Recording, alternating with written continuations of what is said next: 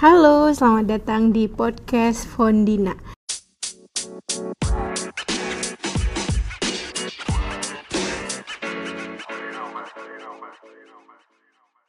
Pada podcast kali ini, kita kedatangan tamu Yuni Kartika, SPSI MA. Pada hari ini, kita akan berbincang tentang stres dan coping strategi pada mahasiswa. Jadi, pada perbincangan kali ini saya membagi tiga fase stres yang sering dihadapi mahasiswa. Kali ini diskusi kita bareng dosen psikologi. Saya akan memperkenalkan terlebih dahulu uh, Mbak Yuni ini. Uh, beliau mengajar di Universitas Gajah Yana Malang dengan latar pendidikan S1 di Universitas Negeri Padang, jurusan psikologi tahun 2011 sampai tahun 2015 kemudian melanjutkan S2 di Universitas Gajah Mada, jurusan psikologi dengan minat Mind, Brain, and Performance pada tahun 2016 sampai tahun 2018. Mbak Yuni ini juga salah satu penerima beasiswa, yaitu Awardi LPDP. Mbak Yuni PK berapa ya? PK 77, Mbak Reza. PK 77. Uh, jadi pembahasan kita kali ini berangkat dari tiga fase stres yang sering dialami oleh mahasiswa pada umumnya. Yang pertama adalah fase awal masuk. Fase awal masuk ini tidak terlepas dari adaptasi lingkungan atau orang-orang sekarang tuh kenal dengan culture shock ya. Uh, misalnya dari daerah terus sekolah ke kota ataupun dari Indonesia sekolah ke luar negeri pasti beberapa orang memeluk, memerlukan adaptasi yang kadang cukup panjang, kadang singkat dan tidak jarang adaptasi ini menimbulkan beberapa stres. Misalnya dari lingkungan yang berbeda sebelumnya, canggung, dan beberapa sering tidak percaya diri karena latar belakang keluarga, misalnya berasal dari daerah yang cukup terpencil sebelumnya, uh, atau lain-lain. Uh, saya ingin bertanya kepada Mbak Yuni terkait fase awal adaptasi lingkungan yang sering dihadapi oleh mahasiswa-mahasiswa pada tahap awal sebelum mulai sekolah. Ini seperti apa ya Mbak dari sisi psikologinya?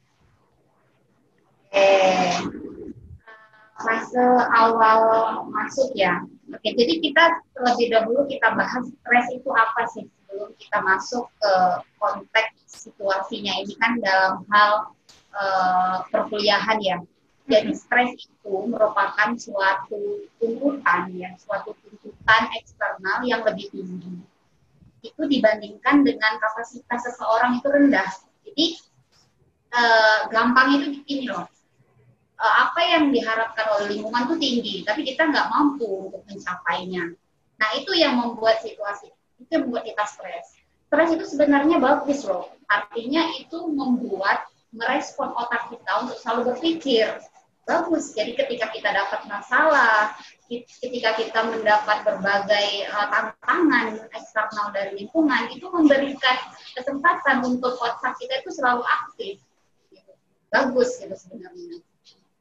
Nah, yang jadi masalahnya adalah ketika mahasiswa itu nggak mampu, nggak bisa menghadapi tuntutan eksternal itu atau kondisi yang menimbulkan stres itu, makanya bisa menimbulkan uh, efek negatif dari stres yaitu distress. Bahkan yang paling parah itu bisa menyebabkan depresi.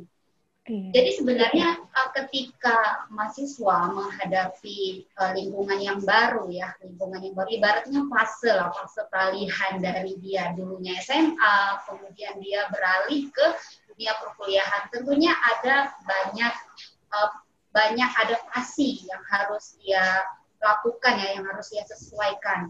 Ini merupakan suatu kondisi yang sebenarnya normal, normal dan ketika uh, ada suatu perubahan ini. Kita membahas tentang respon dari stres ya, respon awal stres ya. Okay. Uh, eh, ada beberapa respon awal ketika seseorang mengalami stres. Yang pertama respon fisiologisnya. Pastilah kita mengalami detak jantung yang agak tinggi, misalnya ketemu dengan lingkungan baru nih, teman-temannya baru, ketemu dengan dosen baru, kemudian lingkungan kuliah yang baru itu kan pastilah membuat kita itu menimbulkan respon fisiologis. Nah, respon fisiologis dari stres ini normal ya, jantungnya entah itu berdebar kencang, kemudian eh, pernafasannya mungkin agak tidak teratur gitu ya. Kemudian ketika dia berinteraksi dengan orang-orang baru dia berkeringat. Itu adalah hal yang normal. Itu dari respon fisiologisnya ya. Kemudian kalau kita lihat dari respon kognitifnya ya dia akan sulit berkonsentrasi. Jadi di awal-awal mahasiswa itu mungkin akan kesusahan. Karena gini dia mungkin akan menyesuaikan dengan berbagai kegiatan baru ya. Misalnya acara ospek mahasiswa kemudian uh, perkenalan perkuliahan gitu ya perkenalan dunia kampus. Itu kan banyak banget kan lingkungan yang harus dipaksakan oleh mahasiswa itu untuk menyesuaikan diri. Jadi ketika ada perubahan respon kognitif nih kayak sulit berkonsentrasi, kemudian mudah lupa, kemudian sulit mengambil keputusan, itu adalah hal yang normal. Apalagi mudah lupa pasti mahasiswa baru itu akan mengalami hal yang mudah lupa. Kenapa? ini karena banyaknya informasi yang masuk mulai dari uh, kegiatan ini uh, kemudian dari senior gini dari dosen gini tugas yang bejibun itu pasti akan membuat apa namanya respon stres yang berbentuk kognitif ini akan terjadi. Kemudian kita lihat perubahan respon emosi ya. Jadi ketika mahasiswa itu akan mengalami uh, dunia baru perkuliahan dia akan mengalami perubahan respon emosi ya yaitu dia pasti akan takut. Aduh aku nanti diterima nggak ya sama teman-teman baru? Aku nanti bisa nggak ya menyesuaikan diri dengan uh, dunia perkuliahan? Nah itu respon takutnya itu pasti dialami. Kemudian dia akan kadang-kadang dia akan merasa marah nih tapi uh, bentuk marahnya itu nggak ditampilkan di dunia umum ya. Maksudnya dengan orang umum tapi dia mungkin kadang marah terhadap situasi. Kenapa sih aku nggak bisa uh, menyelesaikan permasalahan ini gitu uh, itu yang menyebabkan uh, perubahan respon emosi dan kadang-kadang juga ada beberapa mahasiswa yang merasa tertekan gitu karena ketidakmampuan dia untuk beradaptasi. Nah, yang paling nampak dari uh, stres ini ya kita lihat dari perilakunya. Itu dia akan mengalami yang namanya sulit tidur. Kemudian nafasnya uh, maaf maksudnya nafsu makannya mungkin tidak tidak apa ya berubah drastis gitu ya. Itu ada beberapa mahasiswa yang mengalami ini. Kemudian ada juga yang mengalami penurunan prestasi nih. Dulu misalnya mahasiswanya yang pintar waktu SMA kemudian ketika dia mengalami lingkungan baru ketemu dengan berbagai macam mahasiswa dan dia merasa ada penurunan prestasi. Jadi ketika itu terjadi itu sebenarnya normal nggak ada yang salah pada mahasiswa itu. Jadi inilah yang harus disadari oleh mahasiswa ketika mahasiswa itu menghadapi respon stres ini ya, mulai dari respon fisiologis, kognitif, emosi, perilaku, yang saya jelaskan tadi itu adalah hal yang normal dan itu harus disadari, harus aware mahasiswanya. Karena kalau dia udah aware, ya udah uh, ini pasti akan berakhir kok, akan hilang begitu saja seiring dengan berjalannya waktu. Gitu. Kalau, kalau idealnya itu berapa lama ya untuk kita beradaptasi, misalnya menerima lingkungan baru, beradaptasi baik secara fisiologis agar detak jantungnya kembali normal, secara kognitif mulai bisa berkonsentrasi, dan secara emosi mulai bisa bahwa kita tuh sebenarnya diterima loh oleh lingkungan. Itu idealnya berapa lama ya Mbak uh, untuk proses idealnya itu okay. sebenarnya uh, sebenarnya saya tidak bisa mematokkan karena setiap orang itu uh, individual difference kalau di hmm. psikologi itu bilangnya unik ya. Jadi mungkin pada satu orang ada yang lebih cepat, ada juga yang lebih lama gitu. Tetapi kalau secara umum biasanya itu sekitar 1 sampai 2 tahun lah. 1 sampai 2 tahun jangka penyesuaiannya itu. Hmm. Iya, berarti sangat wajar ya bagi teman-teman pendengar mahasiswa-mahasiswa baru uh, baru menghadapi lingkungan baru, terus kemudian perlu adaptasi sedikit stres itu adalah hal yang wajar ya.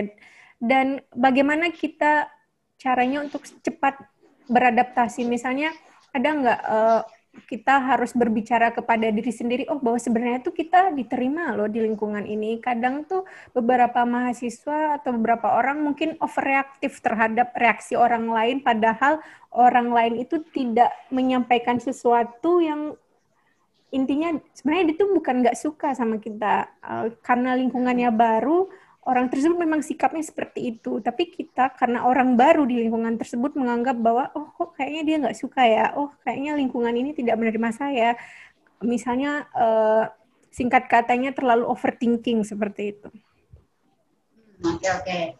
Uh, bisa nggak Riza kasih uh, contoh spesifiknya gitu situasi stres yang kayaknya yang banyak umum dihadapi oleh mahasiswanya? Iya, misalnya waktu kita uh, penerimaan mahasiswa baru.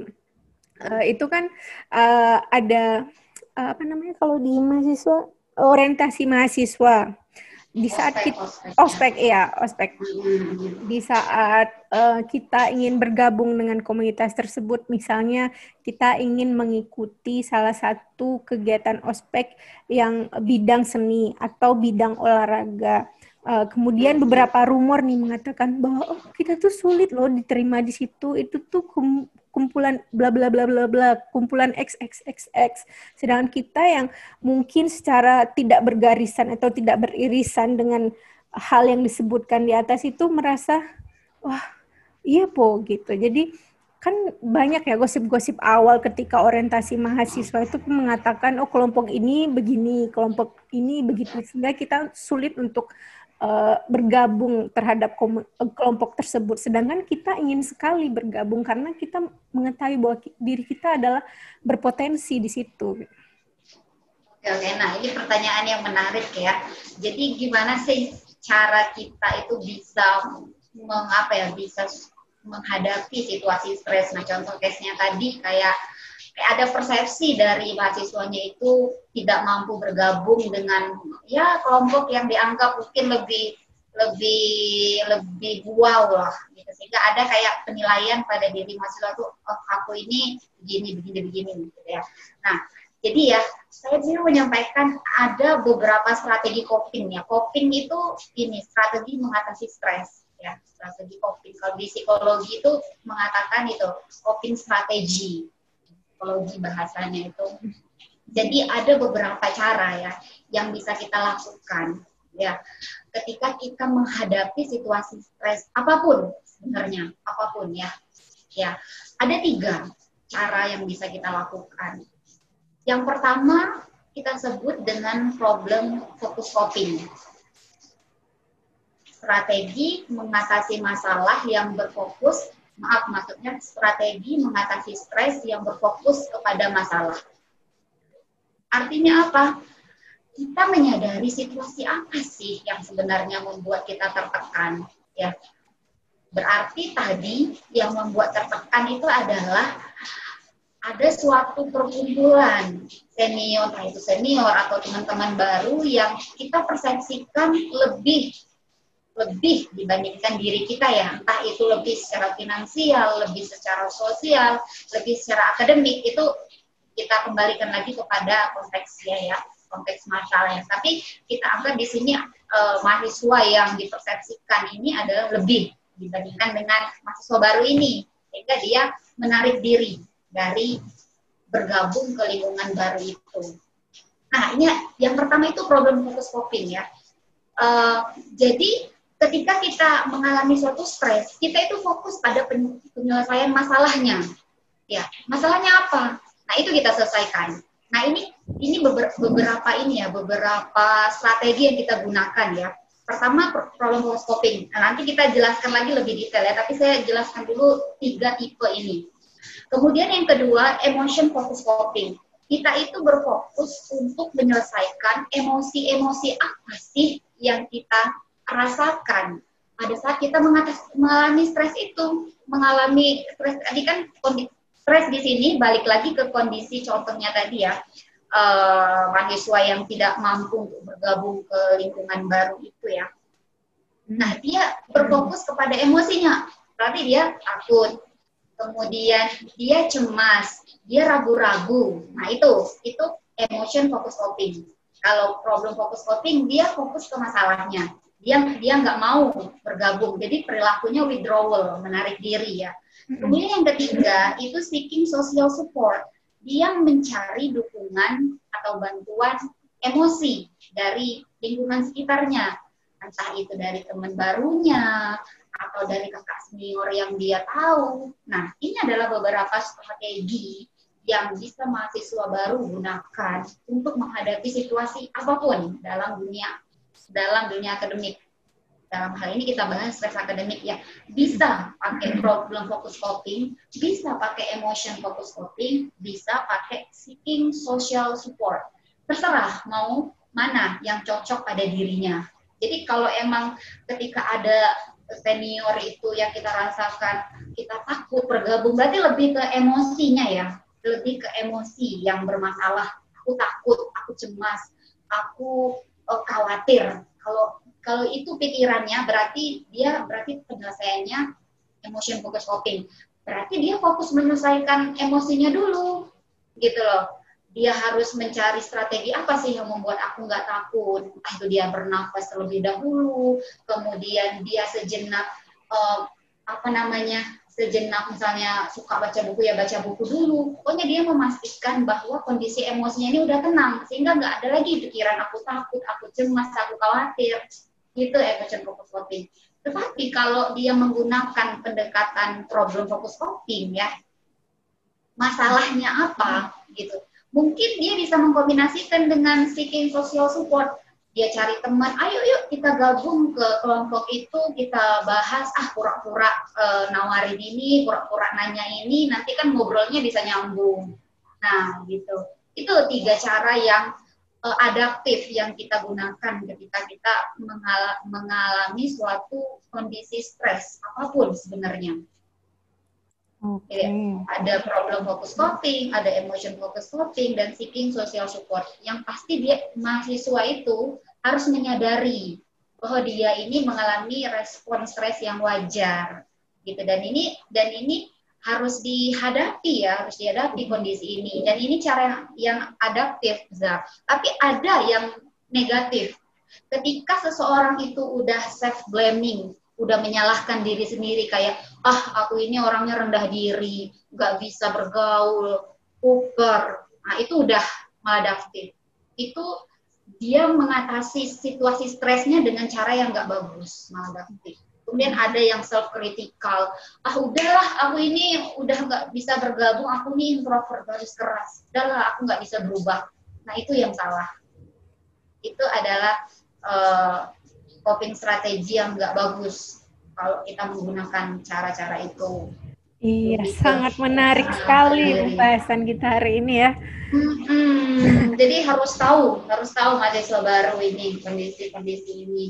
Iya, jadi fase awal beradaptasi itu nggak masalah kita respon terhadap stres kita itu nggak masalah, nggak masalah stres, nggak masalah uh, beradaptasi yang terpenting itu kita tahu bahwa stres tersebut bisa kita atasi dan jangan self blaming ya. Pokoknya apa pun masalah itu pasti kita bisa hadapi dengan uh, salah satunya dengan uh, metode coping yang telah disebutkan oleh Mbak Yuni sebelumnya. Oke, kita lanjut pada fase kedua ini, yaitu fase pertengahan sudah mulai kuliah. Misalnya dari semester 2 sampai semester 6 itu kan biasanya perkuliahan lumayan padat ya, bisa dikatakan sangat padat. Apalagi buat mahasiswa yang berambisi untuk uh, selesai tepat waktu.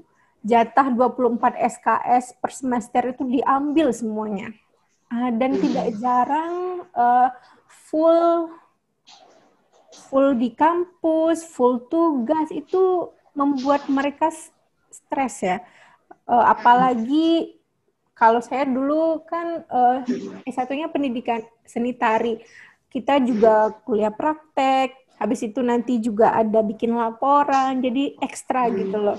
Uh, tak jarang juga di fase semester 2 sampai semester 6 itu semua tugas menumpuk dan bahkan itu menyebabkan stres. Eh, kebanyakan juga uh, beberapa mahasiswa justru lari dari hal-hal tersebut. Ketika tugas makin menumpuk, mereka lari ke berbagai pelarian misalnya uh, kongko-kongko menganggap bahwa tugas itu ah besok aja, besok aja, besok aja dan hamin satu atau hamin dua kelabakan dan makin stres sehingga mengerjakan sesuatu itu tidak maksimal lagi. Gitu. Hmm. Oke, okay. nah di fase pertengahan ini uh, mahasiswa itu menurut saya perlu banget untuk membuat skala prioritas gitu. Jadi Oke, kita saya membahasakan di sini sebagai kita saja ya. ya. Kita ya. Jadi kita itu harus tahu mana yang prioritas kita, mana yang se hanya sekedar ekstrakurikuler. Jadi kita tahu kita sebagai mahasiswa nih. Mahasiswa perannya sebagai apa? Tugas utama mahasiswa itu apa? Kuliah, ya. Kuliah mengerjakan tugas. Nah, jadi itu skala prioritasnya. Kalau emang sudah menetapkan skala prioritas ini, pasti kita ada target ya. Targetnya mau lulus tepat waktu, mau dapat IPK 4, kita mau lulus tiga setengah tahun kalau mau. Kalau kita sudah menetapkan skala prioritas ini, ketika ada berbagai kegiatan, tawaran kegiatan, kita tuh bisa menghandle diri kita. Oh, kegiatan ini bisa nggak sih mensupport kuliahku? Kegiatan ini ada nggak sih bermanfaat untuk uh, pengerjaan tugasku gitu. Jadi harus banget harus banget kita sebagai mahasiswa itu menetapkan skala prioritas kita. Kuliah, kalau ada kegiatan misalnya mahasiswa ini mau sambil berorganisasi, nggak masalah. Nggak ada yang nggak, maksudnya banyak kok. Saya dulu juga berorganisasi, tapi kuliah tetap nomor satu gitu. Jadi nggak ada sebenarnya gara-gara organisasi mahasiswa itu lulusnya terlambat nggak ada. Itu karena mahasiswanya nggak bisa manajemen waktu. Rapat se -se sesukanya bahas-bahas yang nggak penting. Nah itu karena dia nggak punya skala prioritas. Kalau kita udah punya skala prioritas kita kuliah kita ngerjain tugas. Jadi mau organisasi mau kegiatan ekstrakurikuler tari ya mau uh, kerohanian itu nggak akan mengganggu skala prioritas kita karena kita udah tahu nih kita tuh mau ke mana gitu. Jadi ditetapkan dulu skala prioritasnya. Ya. Iya, soalnya kalau dulu senior-senior saya itu yang berorganisasi itu pasti jarang banget yang lulus cepet ya. Selalu mengatakan, aduh aku tuh sibuk organisasi, nggak punya waktu. Seolah-olah organisasi itu hanya blaming mereka aja, enggak. Uh -uh. Itu sebenarnya cuma ini sebenarnya, Cuman mereka aja yang sebenarnya nggak bisa terlalu mampu manajemen waktunya itu sebenarnya perlu diperbaiki sebenarnya. Iya, nah, dan itu juga gitu. terbukti di beberapa teman saya, salah satunya Agus yang saya wawancarai sebelumnya itu kuliah tiga setengah tahun, ikut banyak organisasi, dan dia membuktikan bahwa organisasi itu tidak ada tidak memperlambat dia untuk lulus. Jadi organisasi nah, tidak memperlambat nah. apa pun. Oke, nah itu pasti dia punya skala prioritas tuh. Iya, jadi buat nah. teman-teman di luar sana nggak ada kambing hitam lagi ya untuk organisasi. Bahwa organisasi itu sebenarnya tidak memperlama kalian kuliah. Jika kalian tahu apa prioritas kalian, mengerti tugas utama kalian itu apa, bahwasanya itu tugas utama saya sebagai mahasiswa adalah kuliah dan menetapkan target. Uh, saya ingin lulus empat tahun, tiga setengah tahun, dan membuat skala prioritasnya karena setiap kita punya waktu, jatah waktu 24 jam dan menurut saya itu bisa dimaksimalkan. Misalnya dua jam bikin tugas satu jam berorganisasi terus langsung pulang nggak kongko-kongko dulu nggak hahaha dulu sehingga lupa waktu. Nanti sampai rumah udah capek langsung tidur. Kalau kayak gitu ya bisa jadi lama. Betul betul. Terus kalau misalnya ya kalau uh, ada mahasiswa yang pengen ngumpul kongko itu sebenarnya nggak masalah. Sebenarnya masalah. Kita juga butuh hiburan kayak gitu. Yang jelas tadi kita tahu Senin sampai Jumat kita kuliah. Hmm. Sabtu Minggu weekend kita ngumpul. Jadi jangan mencampur adukan gitu loh. Oh, kongko seenaknya, nggak ada jadwal gitu.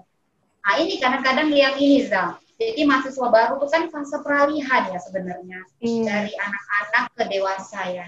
Ada tekanan, tekanan teman sebaya itu yang membuat mereka ah harus mengikuti ritme teman teman teman gengnya gitu loh ayo ngumpul yuk mau curhat nih kalau nggak ngumpul nanti kayak ada tekanan gitu loh Zal. Iya, kita iya, pernah kan kita merasakan kayak gitu waktu masih remaja kan.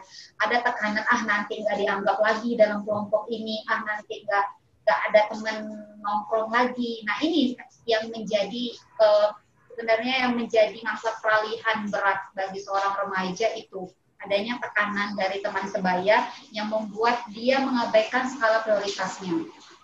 Iya. Tapi sebenarnya ketika kita mendapatkan teman se sefrekuensi ya, teman yang sefrekuensi, yang yang maksudnya yang cocok lah dengan kita, teman kita ini pasti akan paham. Kita pun juga akan nyaman menyampaikan menjadi diri kita sendiri. Itu kalau kita memiliki teman sefrekuensi. Tapi ketika kita nggak nyaman, nggak jadi diri kita sendiri, ketika misalnya tergabung dalam suatu geng tertentu, itu menurut saya nggak sehat gitu pertemanannya. Hmm. Lebih baik dikit aja deh teman, nggak perlu banyak, nggak perlu famous banget, nggak perlu. Iya, tapi kan kalau di umur-umur segitu misalnya di fase umur 18 sampai 23 kan kita haus pengakuan oleh teman-teman sebaya betul. ya. Ah, iya, betul. Itu yang menjadi permasalahannya yang membuat skala prioritas itu kadang jadi terabaikan. Iya. Mau ini karena tekanan teman sebaya itu. Dan itu merupakan suatu tugas perkembangan pada masa remaja yang harus dilalui ya. Artinya uh, ya haruslah harus dilewati masa itu. Harus harus mencoba lah remaja tuh uh, apa namanya ditekan oleh teman sebaya itu gimana sih rasanya supaya dia bisa apa ya bisa melewati tugas perkembangan remaja dan masuk ke tugas perkembangan dewasa. Iya, benar.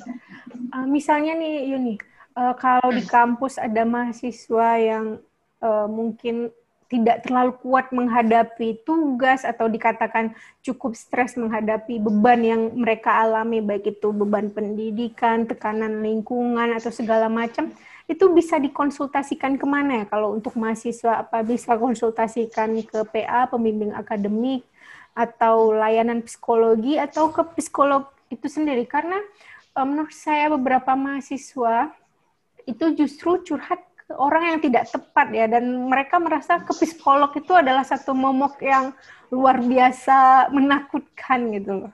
Seolah-olah ke psikologi itu adalah hal yang memalukan Iya betul, itu masih stigma stigma yang saat ini masih menjadi PR besar bagi eh, psikologi.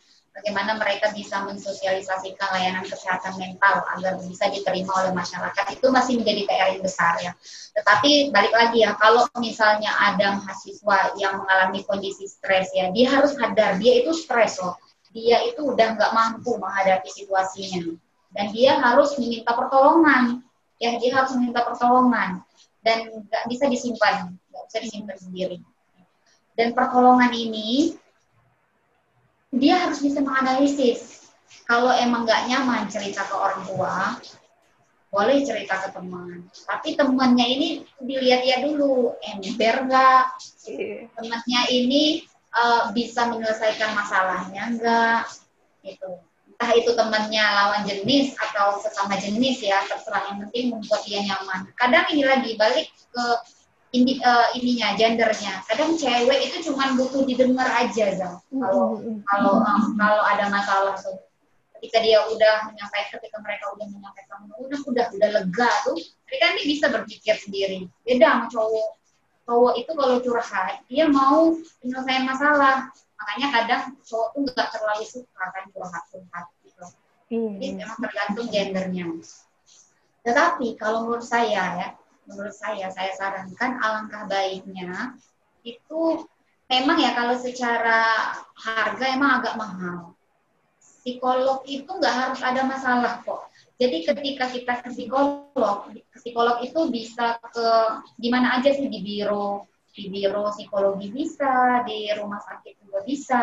Tapi kalau di rumah sakit biasanya psikiater, makanya harus dilihat gelar akhir dari layanan kesehatan mental yang pengen kita datangi. Kalau dia ujungnya psikolog, nah itu itu memang layanan psikologi ya. Tapi kalau eh, apa namanya ujungnya itu psikiatri, bukan psikolog ya, kan ada psikiater sama psikolog ya. Psikiater itu itu terapinya udah beda sama psikolog. Jadi harus diperhatikan ujung dari gelar dokter atau psikolog yang pengen kita datangi.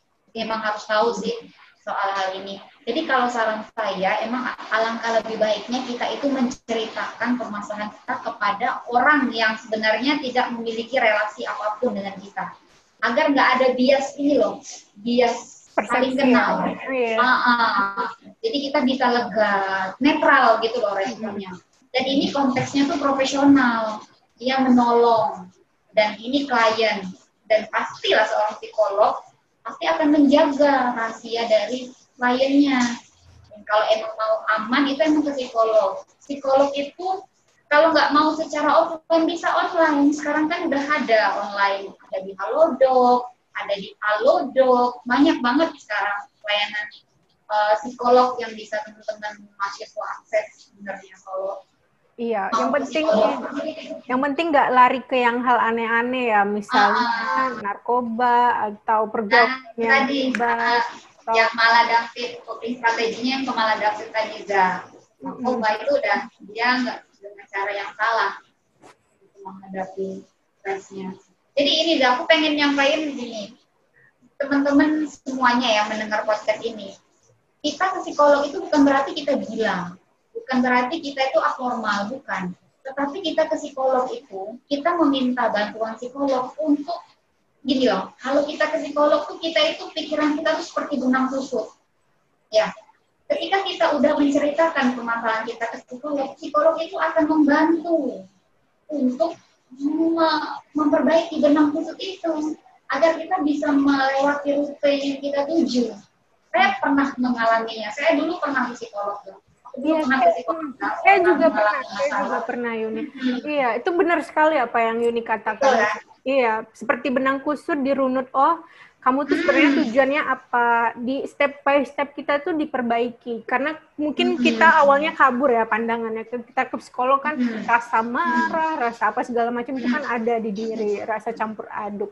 Uh, dan menurut saya psikologi itu salah satu hal yang tepat ya ketika kita sudah tidak bisa uh, menahan beban emosi, uh, misalnya ada tanda-tanda stres yang sudah tidak bisa teratasi selama seminggu atau dua minggu kok rasanya nggak bisa tidur dengan enak, atau bercerita ke mana lagi karena menurut saya tidak semua orang tuh tepat untuk bercerita teman-teman ya dalam konteks itu dan uh, ke psikolog itu bukan momok yang menakutkan. Uh, uh, betul, betul. Jadi masih PR sih sebenarnya iya. karena nggak semua orang berpikir kayak gitu. Nggak semua orang berpikir kalau ke psikolog itu untuk orang sehat juga sebenarnya. Mungkin ada juga teman-teman yang terbatas secara finansial ya. iya. Bisa sekarang tuh saya saya pernah baca di beberapa blog bahwa ada layanan psikologi di puskesmas sekarang Yuni Hmm, betul betul. Dan itu ya, ya, harganya ya, lumayan terjangkau. Jika ah, ah, betul betul. Ke biro-biro atau ke uh, misalnya uh, institusi yang memberikan layanan psikologi secara profesional. Menurut saya bagi teman-teman di luar sana yang uh, mungkin memiliki budget terbatas, silakan aja searching di internet. Di mana sih layanan psikologi yang murah di kotanya? Pasti ada. Saya yakin pasti ada. Yeah. Salah satunya tuh yeah. di Puskesmas Uh, uh, tapi tidak semua puskesmas sebenarnya, ya, tapi sekarang memang lagi berusaha, lagi berusaha untuk membuat layanan psikologis dalam hal ini psikolog itu bisa terjangkau, bisa dijangkau, maksudnya bisa dijangkau dari semua kalangan, mulai dari menengah ke bawah sampai ke menengah ke atas. Ya di puskesmas itu udah ada beberapa, salah satunya di di puskesmas Sleman itu udah ada psikolog, itu hmm. psikolog klinis Iya, atau enggak ke online yang seperti Yuni bilang sebelumnya di hmm. Halodoc atau layanan online lainnya yang menyediakan psikolog. Hmm. Okay. Yang jelas harus minta tolong lah. Kalau iya. misalnya tadi, kalau udah merasakan susah tidur, susah makan, pikirannya tuh udah halu, udah ke mana-mana, sudah nggak bisa produktif lagi, itu artinya udah membutuhkan pertolongan. Kita harus minta tolong nih. Kadang kita minta tolong tuh bukan orang yang menolong kita, tapi kita sendiri yang harus menolong diri kita. Iya benar. Karena nggak semua orang tuh tahu permas apa yang kita rasakan. Jadi kita harus ngomong dulu. Salah satunya ke psikolog itu. Oh, oh betul betul. Jadi okay. ibaratnya kayak gini lah, sama kayak kita sakit gitu ya. Uh, ada yang ke dokter, ada yang pakai cara-cara herbal, yeah. ada yang ke dukun, kayak gitulah. Mana sih yeah. yang lebih yang lebih efektif dirasakan? Mau yang ke dokter kah? Atau yang cara yang dukun kah? Atau cara herbal kah? Itu kan Iya. Itu lagi kembali kepada orangnya Za. Mm -mm. Ada orang yang mungkin anti dengan psikolog, ah apalah psikolog tapi ada juga beberapa orang yang pro gitu hmm. ada yang udah pakai cara-cara ya udahlah uh, ngaji pakai terapi-terapi agama nanti selesai sendiri iya. tapi ya udah dicoba dulu aja mana yang kira-kira efektif bagi teman-teman semuanya untuk dirinya sendiri Iya, oke itu tadi fase kedua yang kita bicarakan yang lumayan panjang, fase kedua mulai dari semester 2 sampai semester 6. Sekarang kita akan hmm. membicarakan fase ketiga, yaitu fase terakhir. Fase terakhir ini itu identik dengan tugas akhir, tugas terakhir. Kalau nggak hmm. tugas ini berakhir, kita tuh nggak lulus ya. Jadi tugas hmm. akhir ini tuh adalah penentu kelulusan yang nggak jarang juga membuat mahasiswa itu stres, misalnya nggak bisa menghadapi dosen, uh, misalnya uh, uh, saya kasih contoh ya, Yun. Dulu salah satu senior saya itu uh, lulusnya empat tahun, uh, maksudnya empat tahun tesis uh, skripsinya. Jadi dia oh lulus pas delapan tahun, pas delapan tahun. Jadi ibaratnya tuh udah berapa kali pengampunan ya. Kalau zaman dulu kan masih delapan tahun ya pengampunannya. Saya lihat itu permasalahannya itu ada di dirinya sebenarnya sih. Uh, kalau hmm. dosen kan uh, sudah berapa, sudah semester semester akhir itu sebenarnya nggak terlalu mempersulit mahasiswa. Yang penting ya udah kamu mau nggak ngerjain ini, nggak menuntut lebih banyak mungkin kalau ada juga sih beberapa dosen yang idealis misalnya dia pengen karya akhir mahasiswanya itu memang benar-benar bagus ya. beberapa kasus yang sudah di ujung tanduk seperti itu justru makin malas Yuni. Nggak mau ngerjain lagi. Nggak benar-benar nggak mau ngerjain. Jadi tuh dibantu satu angkatan rame-rame. Dan justru dia kadang lepas tangan ya udahlah. Justru saya dulu tuh banyak menemukan senior-senior yang seperti itu. Dan sekarang di beberapa hmm. kampus di setiap angkatan saya rasa selalu ada lulusan yang seperti ini. Pasti pasti ada. Itu menurut Yuni apakah mereka nggak mampu atau nggak mau ya? Itu kan ada dua kata ya, nggak mampu, ah, ah, nggak ah. mau. Oke, okay.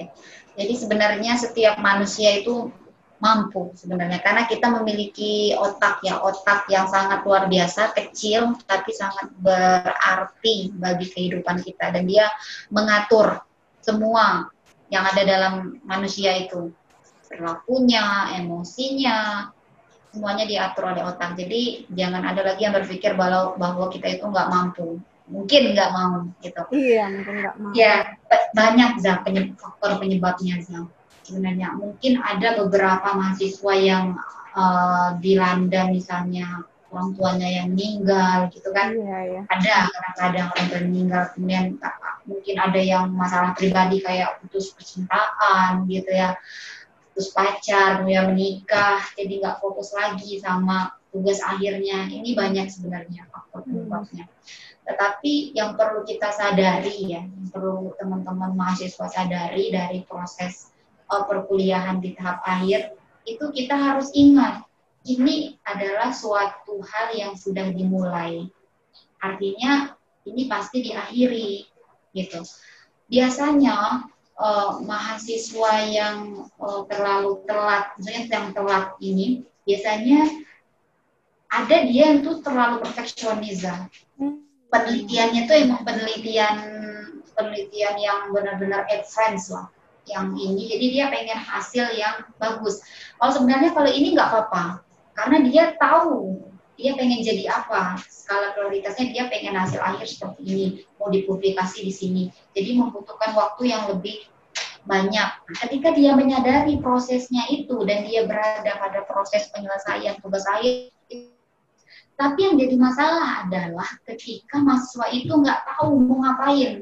Aku nggak tahu nih skripsi ini mau dibawa ke mana. Ya udahlah kumpul aja sama teman-teman dulu cerita. Cerita ke perpustakaan aja lah baca buku ini perpustakaan banyak ininya ngumpulnya banyak uh, ngobrol-ngobrolnya banyak nggak tahu gitu loh yang yang di yang mesti dikerjakan. Nah gitu jadi sebagai mahasiswa itu penting banget kita mener, menerapkan skala prioritas dan kita tuh harus tahu goals apa sih yang pengen kita tuju. Terus gimana sih cara kita uh, bisa mencapai goals itu? Itu harus di, di, disadari lah. Jadi awareness itu awareness atau mindfulness lah itu bahasanya. Itu penting banget. Jadi harus tahu lah peran kita sebagai mahasiswa itu apa.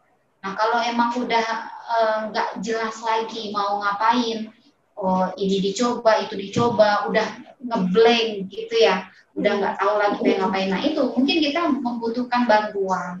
Jadi untuk masalah skripsi pun kalau mau kita konsultasikan ke psikolog itu bisa juga dibantu oleh psikolog. Karena kalau dosen PA, dosen PA sebenarnya hanya sekedar formalitas. Dan enggak ya mungkin ada beberapa dosen PA yang care ya. Tergantung dari dosennya. Tapi silakan di, di, dikonsultasikan bagi mahasiswa itu. Kalau emang udah parah nih, nggak lulus-lulus itu haruslah harus meminta bantuan jangan dipendam jangan uh, apa ya jangan di ya jangan di apalagi dialihkan. Ah, nanti dululah skripsi ngerjain ini dululah fokus ke kegiatan ini dululah udahlah tambah terbengkalai. Jadi skripsi itu jangan dibawa tidur. Hmm. tapi kalau ada kesulitan itu dihadapi dikerjakan aja. Pokoknya jangan dilupakan lah. Kalau kita melupakan skripsi ya nanti kita skripsi itu yang akan melupakan kita. Udah jadi kacau. Iya. Gitu. terus kadang-kadang hmm. juga ada ini persepsi dosen pembimbing killer. Sebenarnya tuh dosen pembimbingnya itu dari mulut ke mulut yang mengatakan oh sama dosen itu tuh susah loh ini loh. Uh, dan mahasiswa tuh jadi depresi lebih awal sebelum kalah sebelum berperang. Uh, itu juga banyak nah, uh, kasusnya uh, seperti itu. Nah itulah pentingnya kita tuh sebagai mahasiswa tuh harus cerdas, cerdas tuh dalam hal gini loh. Jadi kita tuh harus bisa membaca situasi. Ya, makanya ada istilah don't judge someone by the cover itu. Mungkin secara cover dosen ini killer, ditambah lagi dengan mahasiswa uh, cerita dari senior senior. Jadi kalau emang ada cerita dari senior dosen ini kayak gini kayak gini, kita terima, kita terima itu sebagai sebuah informasi tambahan, tapi tidak mengubah perilaku kita ke dosen itu. Maksudnya kalau yang dikatakan oleh senior ini itu mengubah kita, artinya senior ini memberikan kita intervensi, Zat Hmm. Intervensi itu sebuah perlakuan yang membuat kita berubah. Padahal dosen ini nggak nggak ngapa-ngapain. Dan belum kan? tentu killer juga gitu. Uh, uh, Kalau kita hadapi justru baik, justru welcome Dosen tuh kadang tergantung mahasiswa juga kadang-kadang. Sama mahasiswa ini dia gini, ini dia gini. Nggak semua mahasiswa digeneralisir. Jadi untuk mahasiswa nih, kalau ada informasi apa pun, itu dijadikan informasi tambahan saja. Jangan ditelan mentah-mentah. Dicerna dulu sebelum kamu menghadapi situasi realnya. Baru dikonfirmasi apa yang kamu terima, apa yang kamu rasakan, kamu konfirmasi dengan informasi tambahan tadi yang didapat. Jadi nggak nggak begitu saja diterima informasi apa pun lah gitu. Itu juga dalam mengerjakan tugas. Kalau misalnya ada ini dari teman gini, jadi nggak nggak langsung dicontek kalau mau mencontek, kita pintar-pintar nyonteknya. Kita juga browsing, nah ini jadi jadikan konfirmasi aja betul apa enggak. Iya. Kalau menurut saya, misalnya tahu dosen itu killer, kita bisa jadiin strategi yang misalnya di saat menghadap dia lebih awal mungkin uh, strategi menghadapi dosen killer itu seperti apa? Misalnya manis-manis lebih awal nggak langsung uh, to the point. Misalnya um, apa kalau orang Jawa mengatakan uh, ini dulu um, perkenalan dulu misalnya bawain apa atau apa tahu dulu apa sih yang dia nggak suka apa sih yang dia suka kenapa dia marah. Kan ada dosen yang misalnya kalau dia lagi sibuk banget terus dia lagi panik kan kita bisa lihat dari raut mukanya ya. Oh dia lagi panik terus kalau aku sodorin ini ini ini pasti dia akan jadi lebih marah. Tunggu dulu situasi yang lebih tenang misalnya lihat moodnya dia. Oh dia hari ini lumayan bagus nih moodnya. Ya udah ini masalah yang cukup besar bisa dihadapkan gitu. Menurut saya sih nggak ada dosen yang killer ya, tergantung uh, teknik kita menghadapi dosen tersebut. Betul. Dosen itu kan sebenarnya profesional, Zang. Profesional artinya dia bekerja sesuai dengan job desk-nya. Jadi kalau emang job desk-nya itu adalah membimbing mahasiswa skripsi ini, dia ya membimbing gitu, pasti dibimbingnya.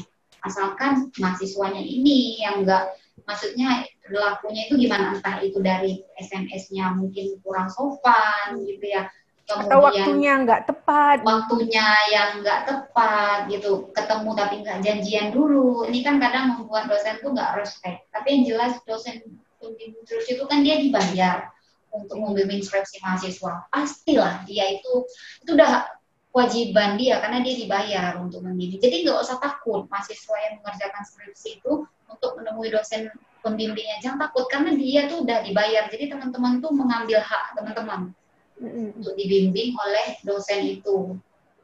Yang penting diperhatikan cara komunikasi dengan dosen gimana, apa yang dimaui oleh dosen itu terhadap skripsi kita. Pokoknya diperjelaslah bagaimana mekanisme diskusi sama dosen itu gimana. Ditanyakan, Bu, ini ke depannya kalau ada apa-apa lagi, saya SMS ibu nggak apa-apa Bu, atau saya lewat email, boleh nggak bu saya ketemu ibu saat saya uh, lihat ibu di kantor gitu. Itu ditanyakan. Jadi enak sama enak kondisinya. Nggak ada yang ah, takut ah mau sama ibu tuh takut ah gitu gitu jadi cuma persepsi kita. Langkah baiknya itu dikonfirmasi langsung ke dosennya. Jadi enak sama enak. Jadi dosen tuh dijadikan sebagai teman lah. Gimana hmm. jangan dijadikan sebagai bos kalau kita udah mikir dosen sebagai bos, ya berarti kita anak buah harus diperintah. Dosen bimbing speech itu kan sebagai teman diskusi sebenarnya. Teman diskusi kita dalam mengerjakan tugas akhir. Udah, berarti kita konteksnya itu diskusi apa pun itu didiskusikan sama dosen pembimbing yang enaknya gimana, yang kira-kira memberatkan ibu ini gimana, di, dijelaskan target saya lulusnya begini, penelitian saya tentang ini bu, gimana buat ibu. Jadi, emang komunikasi itu penting sih, kalau udah kalau udah di tahap akhir ini skill skill diri sendiri itu penting kayak interpersonal ya interpersonal skillnya bagaimana dia bisa membangun relasi dengan orang ke orang gitu ya komunikasinya dan bagaimana cara dia berkomunikasi dengan orang yang lebih tua dengan orang sebaya dengan lebih kecil itu penting banget. Di sini dilatih sih. Kita di tahap terakhir ini kita menjadi diri kita sendiri. Kita nggak bisa lagi minta tolong sama orang lain. Oke. okay. Hmm. Oke, okay, thank you Yuni diskusi kita hari ini. Jadi uh, sedikit gambaran untuk teman-teman bahwa stres itu adalah hal yang wajar ya dan lumrah. Hmm. Jadi saat kita bagus malah. ya bagus malah. Dan hmm. asal kita tahu cara mengatasi stres tersebut salah satunya hmm. dengan coping strategi yang kita sudah bahas sebelumnya. Dan untuk teman-teman hmm. mahasiswa uh, ataupun siapa pun harus mengetahui skala prioritas kita itu apa. Jadi biar kita tuh on track ya. Jadi nggak ke mana-mana. Jika pun uh, melengsar ke kanan dikit udah tahu oh track kita tuh ini. Jika ke kiri sedikit udah tahu track kita itu apa dan target kita itu seperti apa. Sedangkan untuk karya akhir atau tugas akhir kita sudah memulai sesuatu dan kita harus menyelesaikan sesuatu tersebut. Ibaratnya jangan kalah dulu deh sebelum berperang. Hmm, betul. Oke, terima kasih atas perbincangan hari ini, uh, Mbak Yuni. Ada nggak pesan-pesan dan tips selain hal yang kita bicarakan tadi, baik untuk mahasiswa atau untuk teman-teman pendengar selainnya, uh, sekalian? Oke, pesannya itu apa ya? Uh, apa ya? Fokus, fokus aja deh fokus dengan apa yang menjadi target teman-teman semua. Main boleh, asal jangan lupa sama fokus. Iya, benar. Asal jangan lupa goal yang kita tetapkan tadi ya. Uh. Ya, kalau kontak yang bisa dihubungi ke mana ya? Kalau ada teman-teman yang butuh eh, tanya-tanya atau Oke, okay, kalau teman-teman mau kontak aku, boleh di Instagram ya. Nama ID aku itu @unikatk atau di channel YouTube bisa juga ya. Nah, di channel YouTube itu aku ngebahas tentang psikologi, kesehatan mental, sometimes about parenting ya, karena aku sekarang memang ya baru belajar sebagai seorang ibu, jadi kadang sambil nge-konten, sambil masuk juga. Iya. Nah, uh, jadi teman-teman bisa kunjungi Uni Kartika, Uni Kartika Channel.